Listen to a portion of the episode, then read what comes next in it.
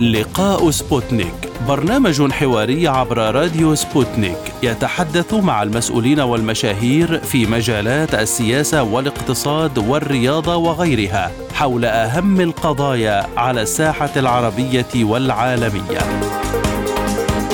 في لقاء سبوتنيك نوجه الأسئلة باسم المستمعين للوصول إلى إجابات على كل استفساراتكم.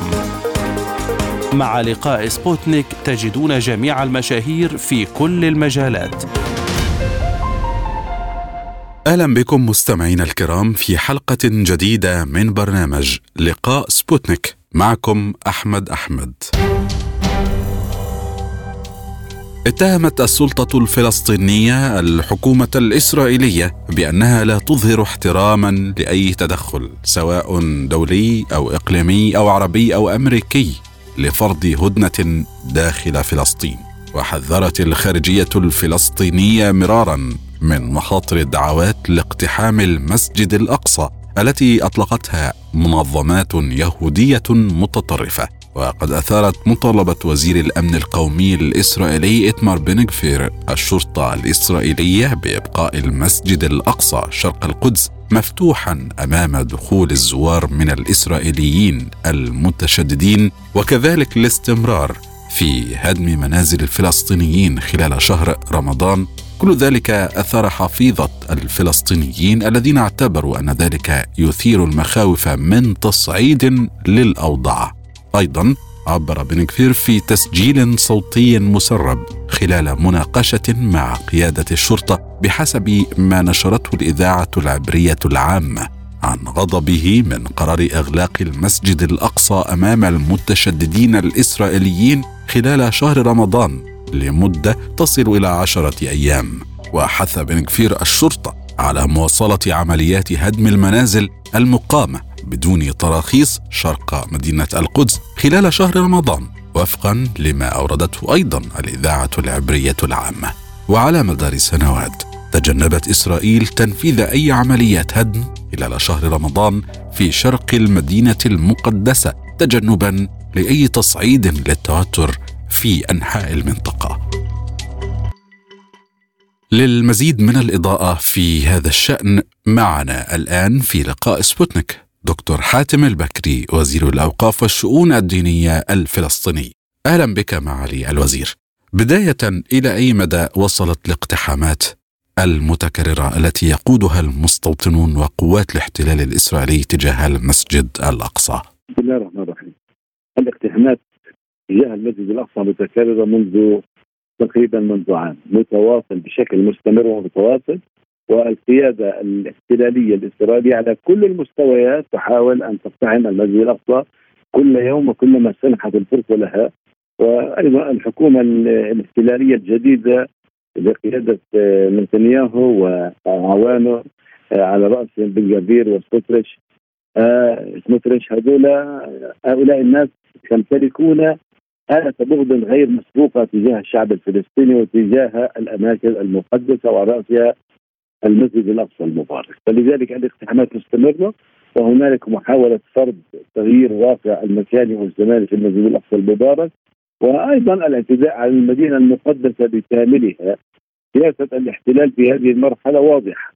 سيطرة على المسجد الأقصى منع دخول إلى القدس هدم بيوت آه، إغلاقات اعتقالات وما يتعلق بالأمر. أيضا استنادا لهذه الحملة الشرسه تجاه القدس والمسجد الأقصى المبارك أيضا هنالك استهداف لكل الضفة الغربية آه، جنين عشرات الشهداء منذ بداية العام وكذلك نابلس التي قدمت عشرات الشهداء وشهداء في مدينة آه، الخليل وبيت لحم والقدس وسائر المناطق الفلسطينية. هنالك يعني نستطيع أن نقول أن هنالك حرب مفتوحة تجاه الشعب الفلسطيني في هذه المرحلة بالذات لكن الأمر المريب والمخيف هو الاعتداء على المسجد الأقصى المبارك والمحاولة للسيطرة وتغيير الواقع والمعالم في المسجد الأقصى المبارك هذا ويقاد هذا كما قلت من قياده إسرائيلية في الصف الأول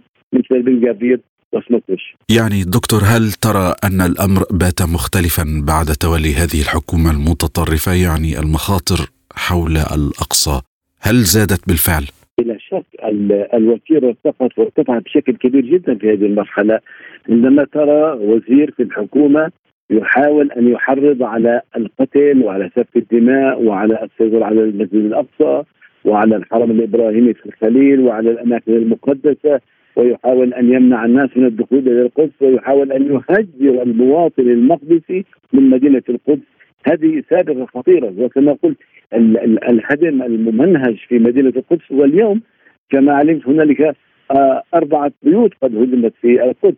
هذا يحمل في طياتها الخطورة الكبيرة وأن هنالك تغير وتغيير شامل في تعامل الحكومة الاحتلالية في هذه المرحلة تجاه الشعب الفلسطيني. هذا واضح ليس بحاجة إلى دليل بل إن الإجراءات المتبعة والمقامة التي تقيمها دولة الاحتلال في هذه المرحلة لا هي أكبر دليل على أن سياسة أخرى تمارس وممنهجة تجاه الشعب الفلسطيني وما يرى وما يسمع وما يشاهد وما يلمس في الواقع الفلسطيني دليل على ما نتحدث بل أكبر دليل على ما نتحدث هذه الحالة الغير مسبوقة من الاحتلال تجاه الشعب الفلسطيني. كما قلت هي حالة صعبة. آه، الحكومة هذه الحكومة الاحتلالية تعتبر من أكثر الحكومات الإسرائيلية تطرفا كل الحكومات الإسرائيلية محاوله تحاول السيطره وفرض المواطن لكن هذه أكثرهم تطرفا وميلا إلى العنف وإلى السيطرة على كل مقدرات الشعب الفلسطيني. فيما يتعلق بالاجتماع الأخير في العقبة كان هناك تعهدات إسرائيلية عدة بوقف الاستيطان وبوقف الانتهاكات للمسجد الأقصى، إلى أي مدى ترى التزاما اسرائيليا بهذه التعهدات؟ الاحتلال أثناء انعقاد لقاء العقبة، الاحتلال بنفس الوقت الذي كان ينعقد هذا اللقاء بحضور الدول التي ذكرت المملكة الأردنية الهاشمية وفلسطين ودولة الاحتلال بالإضافة إلى الجانب الأمريكي وأيضا الجانب المصري رأينا واللقاء منعقد بدأت الصرخات والصيحات والانتقادات من قبل وزراء في الحكومة الإسرائيلية وعلى رأسهم بن الذي قال ما يحدث بالعقبه ليس له قيمة ولن يكون له قيمة ولن يلتم ولن يتم الالتزام به. آه، تحدث بذلك بن جبير نفس الطريقة ونفس ما وهنالك أيضا وزراء آخرين. لذلك يعني حتى هذه اللحظة المخرجات التي نتجت عن لقاء العقبة أستطيع أن أقول أنها حتى هذه اللحظة هي صفر.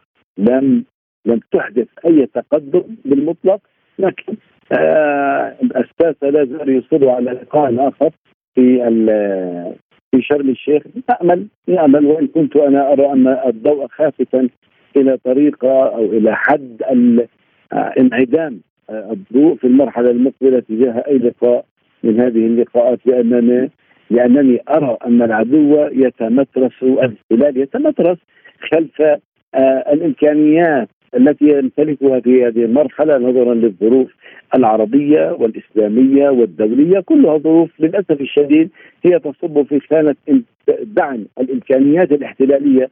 الواقع العربي صعب.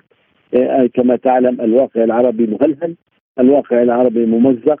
هنالك آه، شيء يلمس آه، انعدام القوة السورية وانعدام القوة العراقية. وأيضا العالم العربي بعض الدول هي لديها من المشاكل ما تعي عن أن تفكر في غير الواقع بالإضافة إلى أن أيضا منظمة المؤتمر الإسلامي لم تحرك ساكنا منذ عام بكل الاعتداءات المتكررة على القدس لم تحرك ساكنا وكذلك العالم أصبح منشغلا بقضايا يرى أنها أكبر من القضية الفلسطينية ومن قضية القدس وغير ذلك يتمثل الحرب الأوكرانية التي نراها الروسية. نرى أن العالم قد بدأ يذهب إلى التفكير بهذه الأمور. لذلك يعني أنا أقول أن الواقع الواقع العالمي أصبح في غير صالح القضية الفلسطينية وكذلك الساسه الأمريكان والأوروبيين ومن يسير في رفض الاحتلال كلهم يحرفوا البوصلة إلى غير الواقع المعاش والمشاهد والمأزوم في الحالة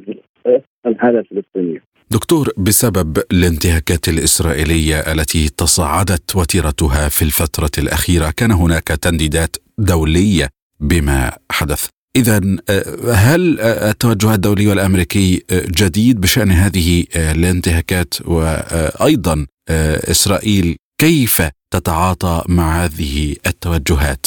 يعني أنا أقولها بصراحة وبصوت عال أن هذه التصريحات هي تصريحات مما لا شك فيه مما لا شك فيه أنها تصريحات مغايرة للتصريحات السابقة لكنها تأتي من الشخصيات يعني التي لا تعتبر بالصف الأول امريكيا، يعني عندما تسمع أنا أحد الأشخاص بوزاره الخارجية الأمريكية يتحدث عن عن مثل هذا ويرفض ما تحدث به سموتريش من الهجوم على حوارة وحرب الإبادة والتغيير والاختلاع.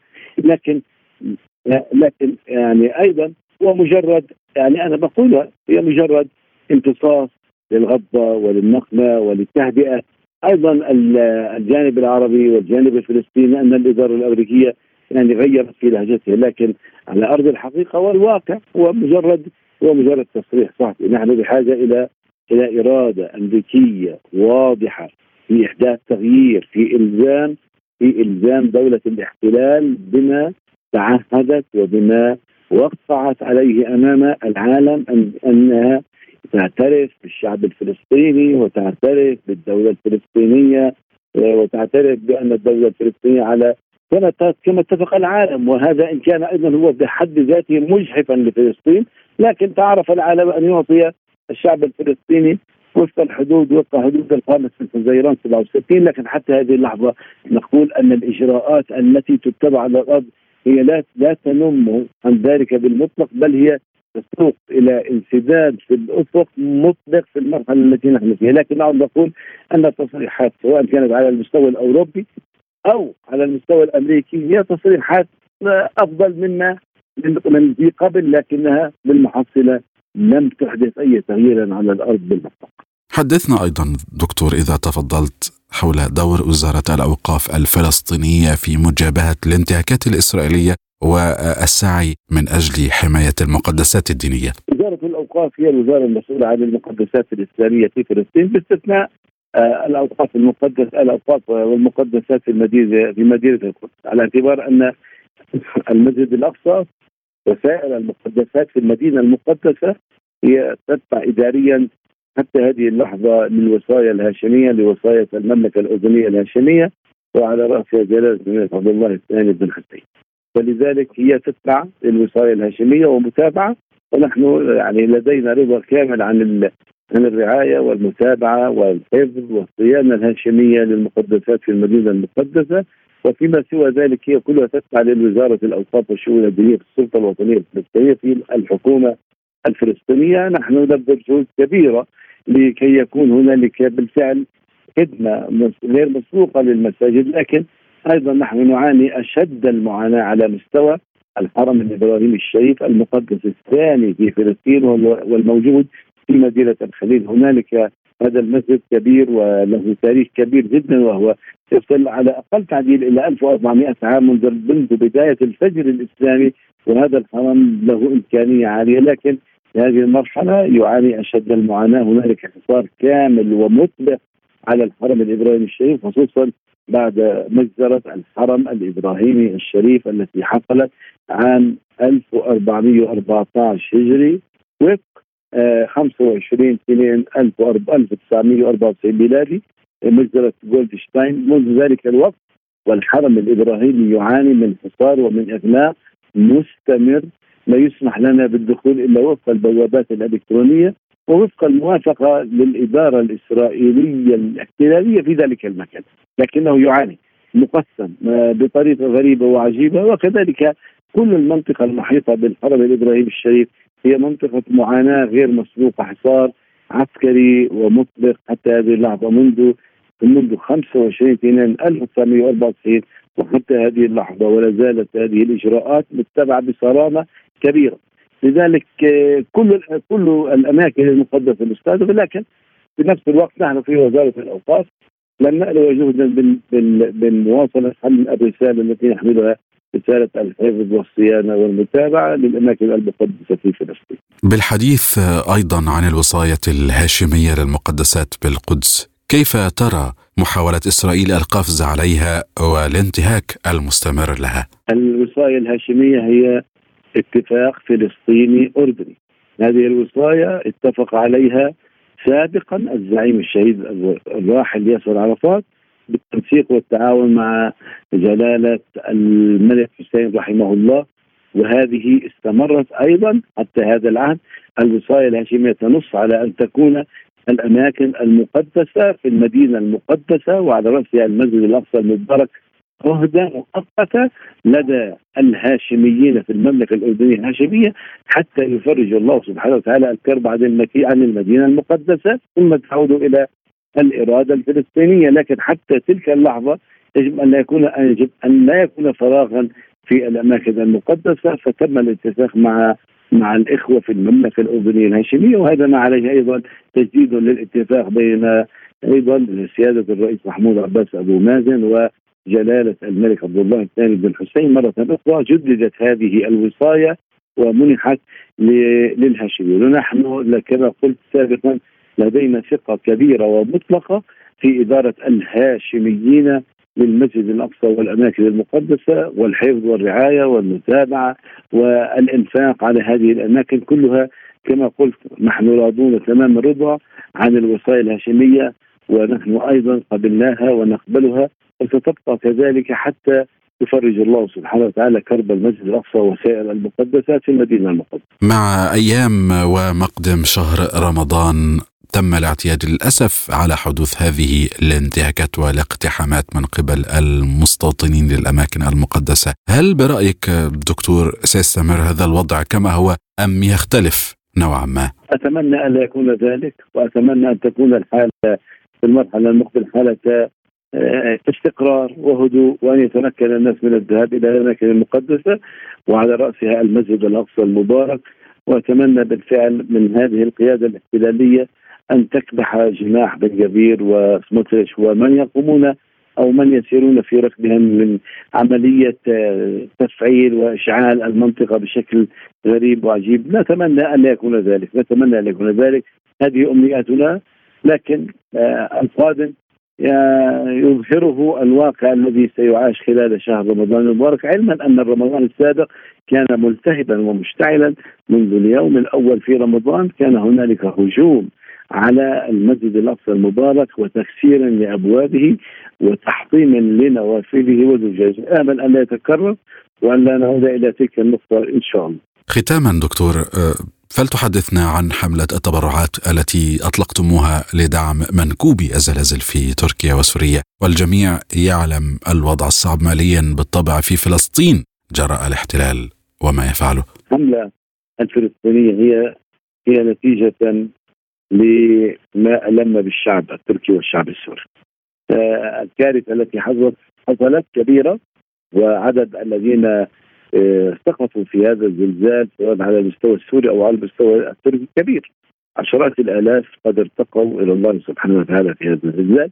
ونحن في فلسطين أيضا كانت لنا رسالة دوما أن نكون دعما واسنادا لإخواننا في مصابهم إذا ما حدث ذلك لا سمح الله. لكن اما وأن الأمر قد حدث وأصبح الزلزال واقعا والنتائج التي نجمت عنه كانت كبيرة. هناك كان توجيه واضح ومباشر من السيد الرئيس محمود عباس أبو مازن أن يكون هنالك وأن تكون هنالك حملة آه، تتمكن هذه الحملة من جمع التبرعات لتقديمها لإخواننا في سوريا وتركيا. وبالفعل الحكومة الفلسطينية برئاسة دولة رئيس الوزراء الدكتور محمد الشتية أعطى تعليماته لوزارة الأوقاف ولوزير الأوقاف بناء على على التوجيه الرئاسي أن يتم إطلاق حملة لهذا لهذه الغاية واطلقنا حملة أسميناها حملة أغيثوهم. وهذه الحملة استمرت تقريبا عشرة أيام. استطعنا من خلال هذه الحملة أن نجمع مبلغ تقريبا 8 ملايين شيكل. هذه الحملة التي تمكن من جمع هذا المبلغ هذا المبلغ أيضا تم آه، إيصال بعضا منه إلى الجمهورية التركية. وأما البعض الآخر فسيكون إن شاء الله قريبا عند إخواننا في الجمهورية السورية بعد التنسيق والتواصل والتعاون مع سعادة سفيرنا في الجمهورية السورية.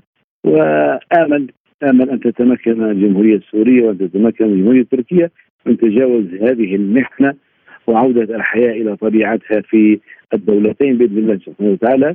ونحن دائما نكون مع إخواننا في ألمهم وفي أملهم.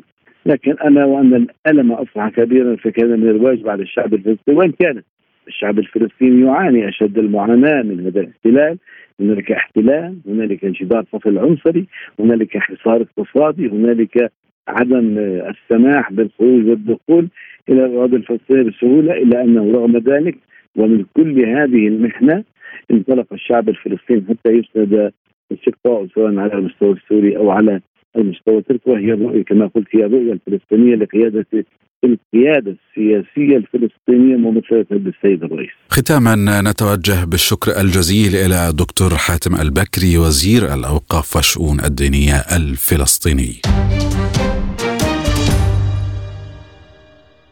نستمر مع حضراتكم مستمعينا الكرام في لقاء سبوتنيك والآن مع جولة إخبارية. قال الرئيس الروسي فلاديمير بوتين إن روسيا تواجه اليوم مرة أخرى تهديدات مباشرة لأمنها لكن مواطنوها يظهرون أمثلة على الشجاعه والاستعداد للدفاع عن الحقيقة. وقال بوتين خلال حفل تسليم جوائز الدولة لنساء روسيا المميزات إنه في أوقات التحديات تتجلى لدى الإنسان أفضل الصفات بوضوح الأمر الذي يمكن لاحظه لدى الشعب الروسي. وأضاف الرئيس بوتين بمناسبة يوم المرأة العالمي أن شجاعة النساء من الوحدات القتالية واللواتي يشاركن في إنقاذ الجرحى على الخطوط الأمامية تدهش حتى أكثر الجنود خبرة. كما هنأ بوتين المرأة الروسية في يومها العالمي مؤكدا أنه يتم الاحتفال باليوم العالمي للمرأة في العديد من الدول. ولكن بالنسبة لروسيا فإنه دائما ما يكون مليئا بالدفء الخاص والمعنى. أعلن يفجيني بريغوجين مؤسس مجموعة فاغنر أن القوات الروسية بسطت سيطرتها على كامل الجزء الشرقي من مدينة آرتيوموفسك باخموت وصرح بريغوجين بأن مقاتلي فاغنر حاصروا آرتيوموفسك بشكل كامل. وفي كلمة نشرها على قناته الخاصة عبر تيليجرام قال بريغوجين إن كل المناطق الواقعة شرق نهر باخموتكا باتت تخضع بالكامل لسيطرة قوات فاغنر وفي وقت سابق صرح المستشار القائم بأعمال رئيس جمهورية دونيتسك الشعبية يان جاجين بأن القوات الروسية فرضت سيطرتها على نحو نصف مساحة مدينة آرتيوموفسك. أعلن مسؤول السياسة الخارجية بالاتحاد الأوروبي جوزيف بوريل أنه سيقترح على وزراء دفاع الاتحاد الأوروبي تقديم المزيد من الذخائر الموجودة في المخازن الأوروبية إلى أوكرانيا. وقال بوريل في تصريحات للصحفيين قبيل اجتماع غير رسمي لوزراء دفاع الاتحاد الأوروبي في ستوكهولم إن أوكرانيا تحتاج إلى المزيد من الذخائر وسيقوم باقتراح منحها المزيد من الذخائر المتواجدة حاليا في المخازن الأوروبية. واضاف بريل أن آلية مرفق السلام والأمن مستعدة لتخصيص مبلغ أولي يقدر بنحو 100 مليون دولار من أجل دعم كييف بالذخائر التي تحتاجها.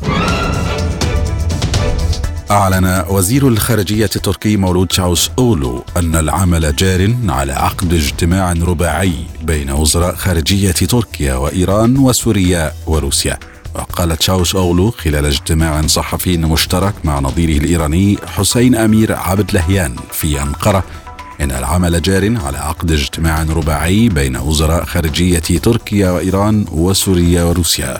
من جانبه قال قبل الأيام إنه يتوقع زيارة نظيره التركي إلى إيران خلال الأيام المقبلة معلنا أنه يجري التحضير لزيارة الرئيس الإيراني إبراهيم رئيسي إلى تركيا خلال الفترة المقبلة وأشار الوزير الإيراني إلى أن المحادثات مع نظيره التركي اليوم كانت فرصة رائعة لبحث ملفات العلاقات الثنائية بما يشمل تطوير العلاقات التجارية والإقتصادية وزيادة حجم التجارة البينية.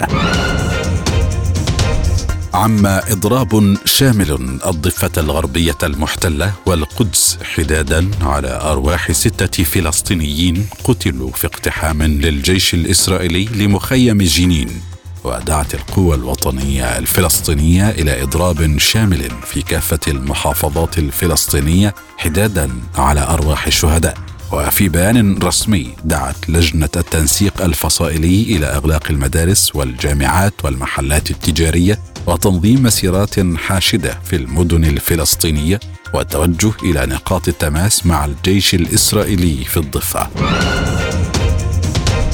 أدان البرلمان العربي بأشد العبارات الجريمة التي ارتكبتها القوات الإسرائيلية خلال اقتحامها مدينة جنين وسقوط أكثر من ستة شهداء وإصابة العشرات وقصف المنازل بالصواريخ واستهداف النساء والأطفال. وحمل البرلمان العربي حكومة اليمين المتطرفة مسؤولية هذا التصعيد الخطير الذي ينذر بتفجر الأوضاع الأمنية والإنسانية وتدمير كل الجهود الرامية لعملية السلام وإعادة الاستقرار في المنطقة. في انتهاك صريح لقواعد القانون الدولي والإنساني وقرارات الشرعية الدولية. وطالب البرلمان العربي المجتمع الدولي ومجلس الأمن والإدارة الأمريكية بالتدخل الفوري والعاجل لوقف التصعيد الإسرائيلي الخطير لاقتحام المدن والقرى وسياسة الإعدام الميداني اليومي. انتقد قائد قوات الدعم السريع محمد حمدان دجلو الجنرالات الحاكمين في السودان قائلا إنهم يعارضون التنحي للسماح بانتقال ديمقراطي في ظل إدارة مدنية. أوضح دجلو أن صراعه مع القادة العسكريين الآخرين الذي أصبح علنيا في الأسابيع الأخيرة يتمحور حول مسألة تسليم السلطة للمدنيين. واكد لقوات الدعم السريع في قاعدة عسكرية بالعاصمة الخرطوم أنه ضد كل من يقف مقابل الحكومة المدنية في السودان وأنه لن يسمح لأي دكتاتور بحكم البلاد وفق تعبيره. وفي خطابه خفف دجل من التوترات بين قواته والجيش كمؤسسة مشددا في الوقت ذاته على أن الخلاف ليس مع الجيش وإنما مع المتمسكين بالسلطة. أكد ولي العهد السعودي الأمير محمد بن سلمان دعم المملكة لجهود التوصل إلى حل سياسي في اليمن. جاء ذلك خلال لقائه برئيس مجلس القيادة الرئاسي اليمني رشاد العليمي في العاصمة السعودية الرياض. وخلال اللقاء ناقش الجانبان مستجدات الأوضاع على الساحة اليمنية وأكد على استمرار دعم المملكة للمجلس والحكومة اليمنية والشعب اليمني. كما تم التأكيد على دعم كل الجهود للتوصل إلى حل سياسي شامل في اليمن برعاية الأمم المتحدة لتحقيق الأمن والاستقرار والتنمية. ويشهد اليمن منذ نحو ثمانية أعوام صراعا مستمرا على السلطة بين الحكومة المعترف بها دوليا وجماعة أنصار الله انعكست تداعياته على مختلف النواحي إذ تسبب في أسوأ أزمة إنسانية على مستوى العالم. حسب الأمم المتحدة. وجه الرئيس الأمريكي جو بايدن الشكر لسلطان عمان هيثم بن طارق على تحركاته الداعمة للهدنة في اليمن وفتح المجال الجوي أمام الرحلات الجوية من وإلى إسرائيل. وذكرت وكالة الأنباء العمانية مساء الثلاثاء أن سلطان هيثم بن طارق تلقى اتصالا هاتفيا من الرئيس الأمريكي جو بايدن تم خلاله استعراض العلاقات الثنائية بين البلدين وسبل تعزيزها وتطويرها في كافة المجالات. نفى الجيش الكوري الجنوبي ما أسماه بمزاعم كوريا الشمالية بان سول أطلقت أكثر من 30 قذيفة مدفعية على ميدان رماية بالقرب من الحدود بين الكوريتين. وقالت هيئة الأركان العامة للجيش الكوري الجنوبي إن مزاعم هيئة الأركان العامة للجيش الكوري الشمالي ليست صحيحة ولا أساس لها. حسب وكالة يونهاب الكوريه الجنوبية واتهم الجيش الكوري الشمالي نظيره الكوري بإطلاق 30 قذيفة مدفعية على ميدان رماية بالقرب من الحدود بين الجارتين. وقال المتحدث باسم هيئة الأركان العامة للجيش الشعبي الكوري الشمالي إن إطلاق النار وقع في الميدان في مدينة باجو الواقعة شمال غرب العاصمة الكورية الجنوبية سول ووصف المتحدث باسم هيئة الأركان الكورية الشمالية إطلاق القذائف بأنه عمل استفزازي عسكري خطير للغاية. قال جون كيربي منسق الاتصالات الاستراتيجية في مجلس الأمن القومي الأمريكي إن علاقات بلاده مع الصين لم تشهد أي تغير بما في ذلك الموقف من تايوان. أضاف كيربي في إيجاز صحفي سئل فيه عن تصريحات وزير الخارجية الصيني تشين غانغ التي حذر فيها من حدوث مواجهة ونزاع مع الولايات المتحدة. أن واشنطن تريد الإبقاء على المستوى الحالي من التنافس بين الجانبين. في السياق نفسه أكد رئيس مجلس النواب الأمريكي كيفن ماكارثي التقارير عن تخطيطه للقاء رئيسة تايوان تساي إنغ وين في الولايات المتحدة وذلك في وقت لاحق من هذا العام إلا أنه شدد على أن ذلك لا يلغي الزيارة التي ينوي القيام بها إلى الجزيرة المتمتعة بالحكم الذاتي. فيما قالت بكين إنها طلبت توضيحات من واشنطن.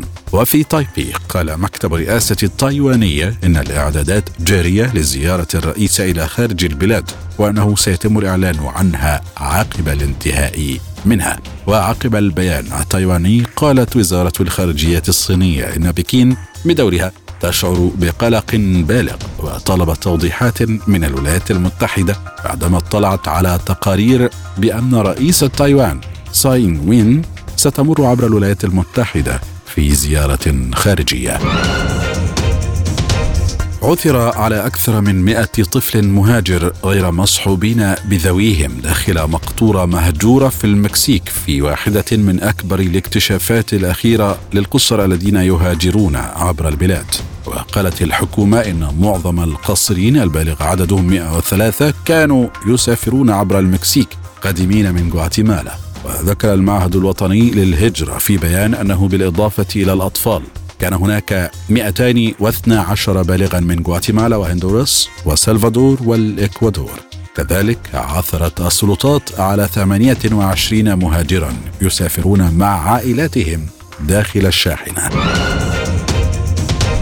اصطدمت طائرتان في سماء ولاية فلوريدا وسقطتا في بحيرة هارتريدج ونتيجة هذا التصادم لقي شخص واحد على الأقل مصرعة بينما أصيب اثنان آخران بجروح خطيرة. وقال ستيف ليستر رئيس أركان شرطة مقاطعة ووك في مؤتمر صحفي إحدى الطائرتين غرقت جزئيا والأخرى مغمورة بالكامل.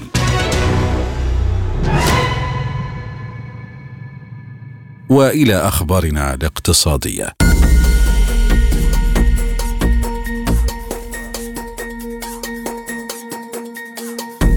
استقرت اسعار النفط في التعاملات الآسيوية المبكرة إذ أظهرت بيانات الصناعة سحبا من مخزونات النفط الخام الأمريكية بعد أن تراجعت السوق في الجلسة السابقة وسط مخاوف من أن يؤدي المزيد من الزيادات الحادة في اسعار الفائدة الأمريكية إلى الإضرار بالطلب. وزادت العقود الآجلة لخام براند لشهر أبريل نيسان 8 سنتات لتسجل 83.37 دولارا للبرميل. وخسرت العقود الآجلة لخام غرب تكساس الوسيط الأمريكي 4 سنتات إلى 77.54 دولارا للبرميل. ودعما للسوق أظهرت بيانات من معهد البترول الأمريكي أن مخزونات الخام الأمريكية تراجعت بنحو 3.8 مليون برميل. في الأسبوع المنتهي في الثالث من مارس آذار وفقا لمصادر السوق. كما انخفض كل من برنت وغرب تكساس الوسيط بأكثر من 3% الثلاثاء بعد تصريحات من رئيس مجلس الاحتياطي الاتحادي الأمريكي جيروم باول بأن البنك المركزي سيحتاج على الأرجح رفع أسعار الفائدة أكثر من المتوقع استجابة للبيانات القوية الأخيرة. أظهرت بيانات جمعية سيارات الركاب الصينية أن إجمالي مبيعات سيارات الركاب في الصين بلغ 1.42 مليون وحدة في فبراير شباط بزيادة تصل إلى 10.4% مقارنة بالفترة ذاتها من العام 2022 حين أدت عطلة رأس السنة القمرية الجديدة التي استمرت أسبوعا إلى تراجع في الأنشطة التجارية. وقالت إن مبيعات السيارات في أول شهرين تراجعت 19.7% عن العام الماضي. كما أظهرت بيانات الجمعية أن مبيعات السيارات التي تعمل بالطاقة الجديدة وتشمل السيارات الكهربائية التي تعمل بالبطاريات والسيارات الهجينة التي يمكن شحنها بالكهرباء. شكلت أكثر من 30% من إجمالي مبيعات السيارات الجديدة في الشهر وزادت 61% عن العام الماضي. وبينما انخفض الطلب الإجمالي استمرت مبيعات سيارات الطاقة الجديدة في أكبر سوق للسيارات في العالم في التسارع إذ مددت بكين الإعفاء الضريبي على مثل هذه المنتجات وأطلقت السلطات المحلية برامج تحفيزية عدة من أجل تشجيع الشراء. قادت شركات التكنولوجيا الصينية العملاقة هبوط أسهم أقرانها الآسيويين بعد التعليقات المتشددة من مجلس الاحتياطي الفيدرالي والتي أثارت المخاوف بشأن القطاع الحساس لأسعار الفائدة. وانخفض مؤشر هانغ سينغ تك في هونغ كونغ بنسبة 3.9% وهو أكبر انخفاض خلال شهر إذ انخفضت كذلك أسهم كل من تنسنت وعلي بابا بنحو 3% وتعقبت أسهم التكنولوجيا خسائر مؤشر ناسداك 100 إذ أدت شهادة رئيس بنك الاحتياطي الفيدرالي جيروم باول أمام الكونغرس إلى تراجع الرغبة في المخاطرة. وقال باول إنه من المرجح أن يرفع البنك المركزي أسعار الفائدة أعلى وربما أسرع مما كان متوقعا في السابق ويتوقع بعض مراقبي السوق الآن رفع سعر الفائدة بمقدار 50 نقطة أساس خلال اجتماع السياسة لمجلس الاحتياطي الفيدرالي في وقت لاحق من هذا الشهر.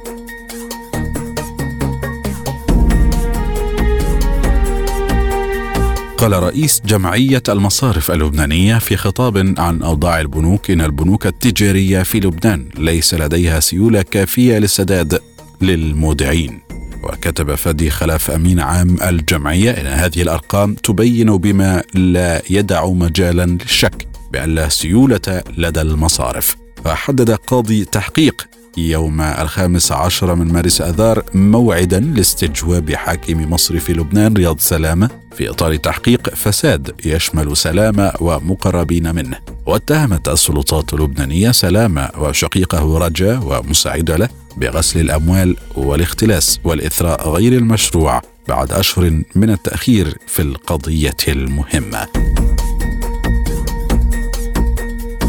تراجعت أسعار الذهب إلى أدنى مستوياتها خلال أسبوع بعد أن قال رئيس مجلس الاحتياطي الاتحادي البنك المركزي الأمريكي جيروم بول إنه من المحتمل أن يتطلب الأمر رفع أسعار الفائدة بأعلى من المتوقع للحد من الضغوط التضخمية. وتراجع الذهب واحدا من عشرة في المئة في المعاملات الفورية إلى 1812.44 دولارا للأوقية كما انخفضت العقود الأجلة للذهب الأمريكي 2 من عشرة في المئة مسجلة 1816.5 دولار وعادة ما تضعف أسعار الفائدة المرتفعة وتضعف من جاذبية الذهب لأنها تزيد بدورها من تكلفة الفرصة البديلة لحيازة الأصل الذي لا يدر عائدا.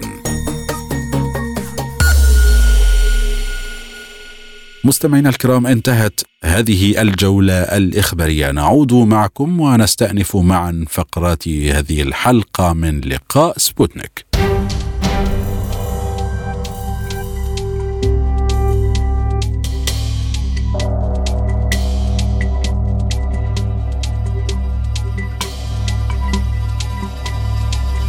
حول الأوضاع في فلسطين خاصة في الحرم القدسي. وتتفاقم الأوضاع في مدينة القدس وخاصة في المسجد الأقصى الذي ينتظر فيه المقدسيون شهر رمضان بعيون معلقة تجاهه بعد الاقتحامات المتزايدة خاصة في الآونة الأخيرة. وكانت جماعات الهيكل المزعوم طلبت رسميا إغلاق المسجد الأقصى أمام المسلمين في الأسبوع الثالث من شهر رمضان لإفساح المجال لاقتحامات عيد الفصح العبري الذي يصادف شهر رمضان هذا العام. واعتبرت الجماعات أن رمضان هذه السنة سيكون اختبارا لوزير الأمن القومي الإسرائيلي إتمر بن غفير ليثبت أنه المالك الحقيقي للأقصى.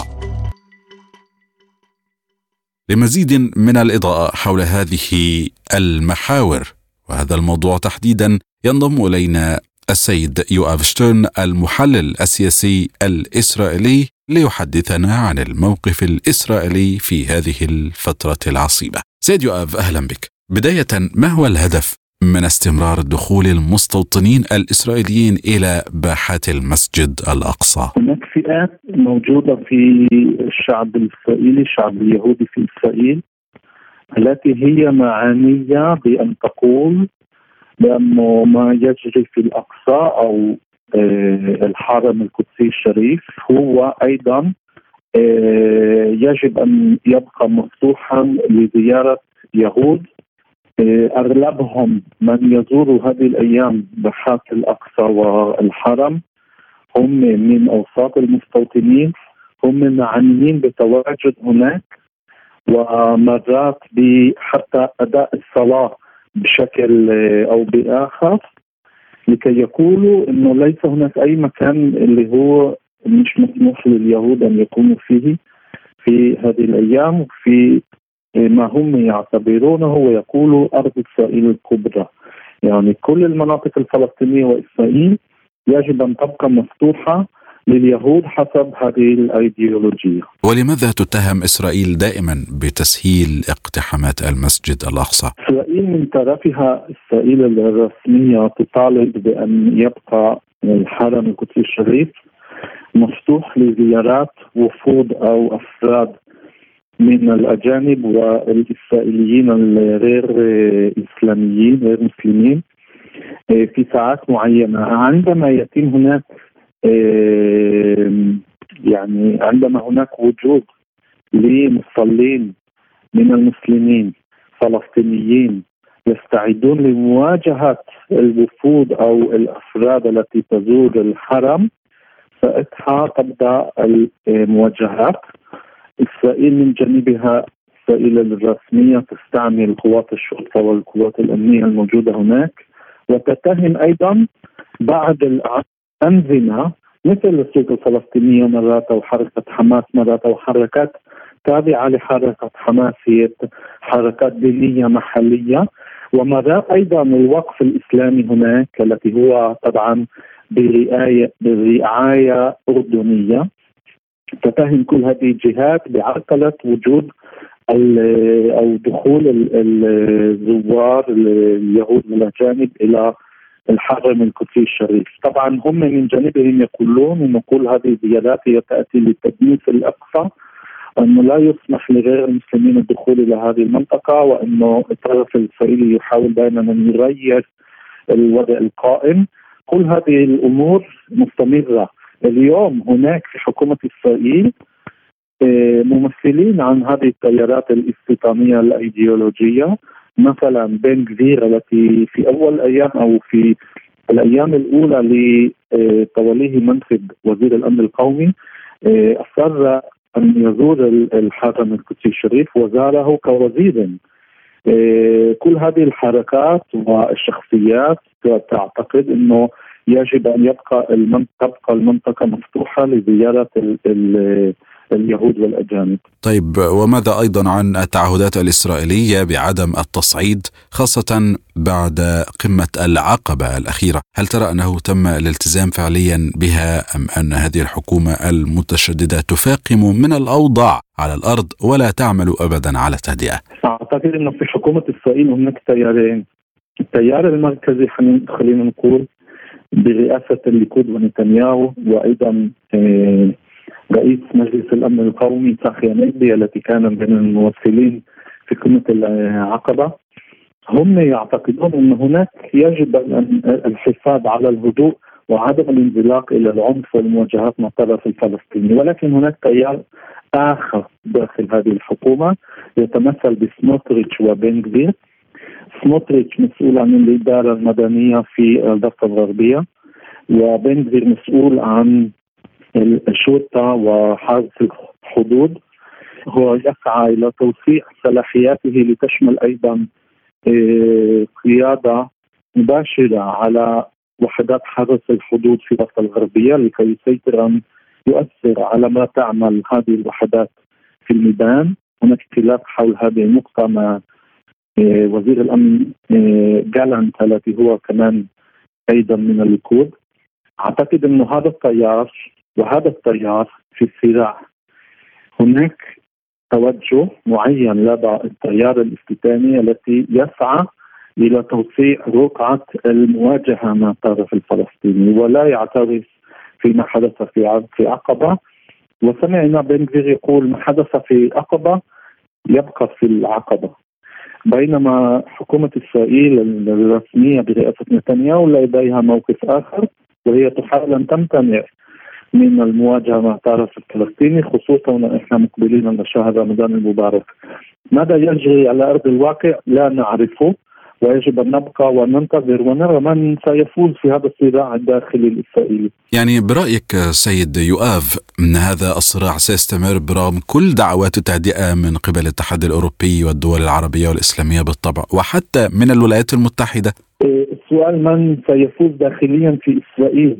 أي توجه؟ التوجه الذي يسعى إلى إشعال النار في حوارة أو التوجه الذي يقول يجب أن نمتنع من المواجهة ويجب أن نصل إلى سير متفق عليها مثل ما حدث في العقبة. لا نعرف أي توجه سيفوز داخليا في إسرائيل. إيه، طبعا هناك مصالح متشابكة لكل هذه الفئات والمجموعات. ما يوحدها هو الرغبة بالاستمرار بهذه الحكومة. لديها مصالح تتعلق بالطرف الفلسطيني لديها مصالح تتعلق بالشأن الداخلي الإسرائيلي الاستيلاء على الجهاز القضائي والكثير من المسائل. والمشترك بينها أنه ليس لديهم بديل ليس لديهم أي إمكانية أخرى لتشكيل حكومة. هم فقط يستطيعون أن يستمروا مع بعض. فلا نعرف حاليا ماذا سيكون التوجه الاسرائيلي العام ولكن اذا اندلعت مواجهات واسعة النطاق مع الطرف الفلسطيني ساعتها سنرى توحيد صفوف بين كل التيارات المختلفة الإسرائيلية والخروج إلى الصداع مع الفلسطينيين طبعا بقوات معززة وإجماع وطني شبه عام وصل الأمر بالفعل بدعوات فلسطينية رسمية بالتدخل الدولي المباشر كيف تتوقع أن يتم ذلك؟ في ما يحدث في العالم لا أعتقد أن هناك إمكانية حقيقية ورغبة لدى أي جهة دولية عالمية أن تدخل على هذا الخط، هناك الصراعات الدولية العامة الكبيرة الأكبر من الطرف الإسرائيلي والفلسطيني ولا أرى إمكانية حقيقية أن يكون هناك تغيير على أرض الواقع بناء على مبادرة دولية، العالم منشغل في قضايا المختلفة ولا أعتقد إنه هذه الدعوة الفلسطينية المتكرره يجب أن نقول. كل كم من شهر أو باستمرار يعني هناك دعوة فلسطينية للجهات الدولية التدخل في هذا الشأن لا أعتقد أنها ستنجح لا أعتقد أن يكون هناك تلبية لهذه الدعوة من أي طرف خارجي. وفي هذا السياق وفي هذه الأيام ما هي الإجراءات التي تستعد بها إسرائيل لقدوم شهر رمضان في ظل كل هذا التصعيد المستمر؟ إسرائيل تعرف تماما يعني إنه بالسنوات الأخيرة كان هناك جولات متكررة في من العنف في شهر رمضان المبارك لاسباب مختلفة. هي تستعد منذ كم من شهر لشهر رمضان وما يجري فيه. يتم الحديث عن هذا الموضوع يدور الحديث حول هذا الموضوع بشكل مستمر في الأسابيع الأخيرة. أعتقد أن هناك سنرى تعزيز القوات الشرطة والأمن الداخلي والجيش أعتقد أن هناك خشية من أن تنزلق الأمور نحو مواجهة كبيرة واسعة النطاق. وطبعا هذا آه، يحدث بينما هناك أصوات داخليا في إسرائيل تقول أنها ترفض مثلا التجنيد لقوات الاحتياط وإلى آخره. يعني هناك مأزق داخلية ومأزق داخلي أو أزمة داخلية حول قضايا سياسيه مهمة وملحة.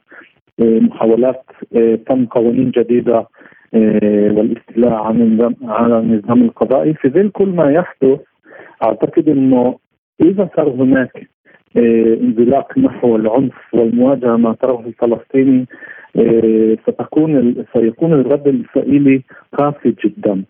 أعتقد إن الحكومة الحالية تنتظر فرص لكي تغير الخطاب العام وربما مواجهة مع الفلسطينيين وذات قاسي عليها. هذا ما هو مخطط له حاليا في هذه الحكومة. يعني هذه الحكومة ألا يمكن لها أن تغير من موقفها ولو شيئا؟ أو يمكن أن تتزحزح عن كل هذا التصعيد حتى رضوخا للضغوطات الخارجية والتأزمات الداخلية المتعلقة بالهيكلية القضائية والقانونية والاحتجاجات المتصلة في إسرائيل. أعتقد أن هناك جهات في هذه الحكومة تسعى إلى هذه المواجهة وهذا التصعيد لأن هذا قد ينقذها من الضغوطات الداخلية والخارجية خصوصا الداخلية لأن هناك ضغط شديد كبير جدا على هذه الحكومة من قبل التيار المركزي في الجمهور الإسرائيلي. عندما يكون هناك تكون هناك جولات من العنف مع الطرف الفلسطيني وكما تعلمون لا صوت يعلو على صوت المعركة ساعتها سنرى تغيير في الوضع الداخلي الإسرائيلي لهذا السبب أعتقد أن هناك جهات تسعى إلى هذا التصعيد مع الطرف الفلسطيني. وبالعودة إلى الاستعداد لمقدم شهر رمضان، ما المتوقع سيد يؤاف للأعداد الزائرة أو الداخلة إلى الحرم القدسي؟ يعني هل تكون هذه الأعداد كالمعتاد سنويا أو تزيد مثلا لتأكيد الوجود في هذه المنطقة أو تقل الأعداد خشية التصعيد مثلا؟ وكيف ستتعامل إسرائيل امنيا مع كل حالة؟ كل سنة يتم الإعلان من جديد كل مرة من جديد كل أسبوع من جديد عن سياسة إسرائيل في كل ما يتعلق بالوصول إلى الأقصى. في سنوات سابقة كانت كان هناك كانت هناك إمكانية للوصول مثلا والدخول إلى القدس والأقصى. من جيل معين مثلا فوق ال 65 فوق ال 55 فوق ال 40 والى آخره. لا نعرف حتى هذه اللحظة ماذا ستكون السياسة الإسرائيلية. والسياسة كمان المتبعة قد تتغير بناء على تطورات في الميدان. ولهذا السبب يجب أن ننتظر ونرى ماذا سيكون الرد ماذا سيكون الموقف. ما ستكون التطورات الميدانية وفي كل أنحاء البلاد. هناك تواتر شديد موجود اليوم. إيه، في ظل ما حدث في حوارة في ظل دخول قوات الجيش الإسرائيلي إلى نابلس إلى جنين. إيه، لا نعرف كيف ستتطور الأمور وهل تنجح الاتصالات التي كانت مثلا في العقبة؟ لا نعرف إذا هناك إمكانية لتهدئه الأمور أم لا حتى الآن الموقف والأوضاع غير واضحة. أيضا يصادف عيد الفصح العبري شهر رمضان هذا العام فهل ينتظر حدوث صدام كبير في ظل الحكومة الإسرائيلية الجديدة وفي ظل كل هذا الصراع الذي أشرت إليه سيد يؤاف؟ نعم أعتقد للأسف أن نتوقع أن يكون هناك توتر شديد جدا وربما موجهات لأنه في شا... في عيد الفصح لدى الشعب اليهودي هناك عادة بأن يتم الحج الوصول إلى القدس إيه، ثلاث مرات في السنة واحدة منهم في عيد الفصح وخلال أسبوع كامل أو كم من يوم آه، حول العيد نفسه يتم الوصول عادة إلى آه، حائط المبقى الحرم القدسي الشريف أيضا. وهناك جهات أكيد ستستغل كل هذه الأيام بغض النظر إنه بنفس الوقت هناك شهر رمضان المبارك. وأعتقد إنه إحنا مقبلين على فترة متوترة جدا وحساسة جدا قد تتدهور الأمور إلى العنف. إيه، وعندما نضيف إلى هذه الوصفة أيضا سعي بعد جهات في الطرفين في الطرف الإسرائيلي وفي الطرف الفلسطيني تسعى إلى المواجهة. هذه وصفة خطيرة جدا. ويجب على الجميع أن يبقى حذر جدا من كل هذه التطورات والإمكانيات الصعبة. يعني بالنظر إلى كل السيناريوهات التي يتم الحديث عنها وما تراه أيضا سيد يؤاف، هل كل المؤشرات بالفعل لا تنم إلا عن مواجهة ألا من أصوات هادئة في إسرائيل؟ حاليا النقاش العام في إسرائيل يدور يدور حول مسائل أخرى تماما تتعلق بالوضع السياسي الداخلي ومحاولات هذه الحكومة تغيير النظام الديمقراطي المتبع في إسرائيل واستقلالية الجهاز القضائي. ولهذا السبب لا نسمع حتى هذه اللحظة حاليا أي جهة تتحدث عن هذا الموضوع. ولكن إذا نظرنا لقدام شوي وفهمنا إنه إحنا مقبلين هذا على هذه الفترة حاليا الحديث فقط في غرف مغلقة إيه، في أجهزة الأمن والحكومة وليس كنقاش عام في كل البلاد. هناك أيضا حديث دائم عن محاولات تقسيم الأقصى زمانيا ومكانيا ودينيا. فكيف يكون ذلك؟ لا أعتقد أن هناك تقسيم زمني أو في المكان في الأقصى أعتقد إن الموقف الإسرائيلي حول هذا الموضوع منذ كم من سنة هو أن تتاح الزيارات لليهود والأجانب خلال ساعات الصباح الباكرة أو خلال ساعات الظهر ساعات محددة سلفا منسقه إيه، لا أعتقد أن هناك نية لتقسيم إيه، الأقصى. أعتقد إنه هذه زيارات مسموحة فقط في في بحات الحرم وليس في إيه، الأقصى مسجد الأقصى نفسه وليس في قبة الصخره للأسف الشديد. إيه، هذا هو الموقف منذ كم من سنة ولا أعتقد أن هناك نية لتغيير هذا الوضع حاليا. عموما هناك الكثير من الأحاديث عن نية التقسيم هذا على كل حال هذه المحاولات هل مثلا تجري على قدم وساق أم الخطط كلها مؤجلة؟ لا هي الوضع القائم موجود. لا أعتقد أن هناك نية لتغييره على الأقل رسميا. ليس هناك أي نية لتغيير هذا الموقف. دائما هناك جهات متطرفة تسعى إلى تغيير الوضع القائم. هذه الجهات جهات استيطانية تعود إلى إيديولوجية أرض السائله الكبرى وإلى آخره. حاليا الحكومة الرسمية اجهزه الأمن لا أعتقد أن لديها نية أو خطة لتغيير هذا الموقف. وفيما يتعلق بالشارع الإسرائيلي سيد يؤاف، ما هو رأي المواطن الإسرائيلي العادي بشكل عام؟ فيما يحدث من صراع دائم ويراه آه، من عنف ودموية مستمرة بين الإسرائيليين والفلسطينيين بهذه الوتيرة. للأسف ليس هناك جهة أو جهات كثيرة آه، معنية بأن تكون منشغلة في تغيير هذا الوضع، هناك شبه إجماع لأنه لا يمكن الوصول إلى حل دولتين أو أي حل آخر إلا الاستمرار في الوضع في الوضع القائم. للأسف الشديد سياسيا لا نرى قوات أحزاب جهات تيار قد يغير هذا الواقع. الطرف الإسرائيلي بأغلبه يعتقد أنه هو ضحية للعنف الفلسطيني ولا يعترف بوجود احتلال على هذه المناطق المناطق الفلسطينية لأنه يرى فيها جزء من إسرائيل. ولهذا السبب أعتقد إنه تحليل عقلاني للواقع يقول إنه إحنا آه، سنستمر في هذا الصراع الدموي آه، سنوات آه، لقدام. في نهاية هذا الحديث نتوجه بجزيل الشكر والامتنان إلى السيد يؤاف شترن المحلل السياسي الإسرائيلي. شكرا جزيلا لك سيدي. وفي ختام هذا الحديث نكون قد وصلنا وإياكم إلى نهاية هذه الحلقة من برنامج لقاء سبوتنيك. كنت معكم أحمد أحمد. شكرا جزيلا. حسن إصغائكم مستمعينا الكرام وإلى اللقاء.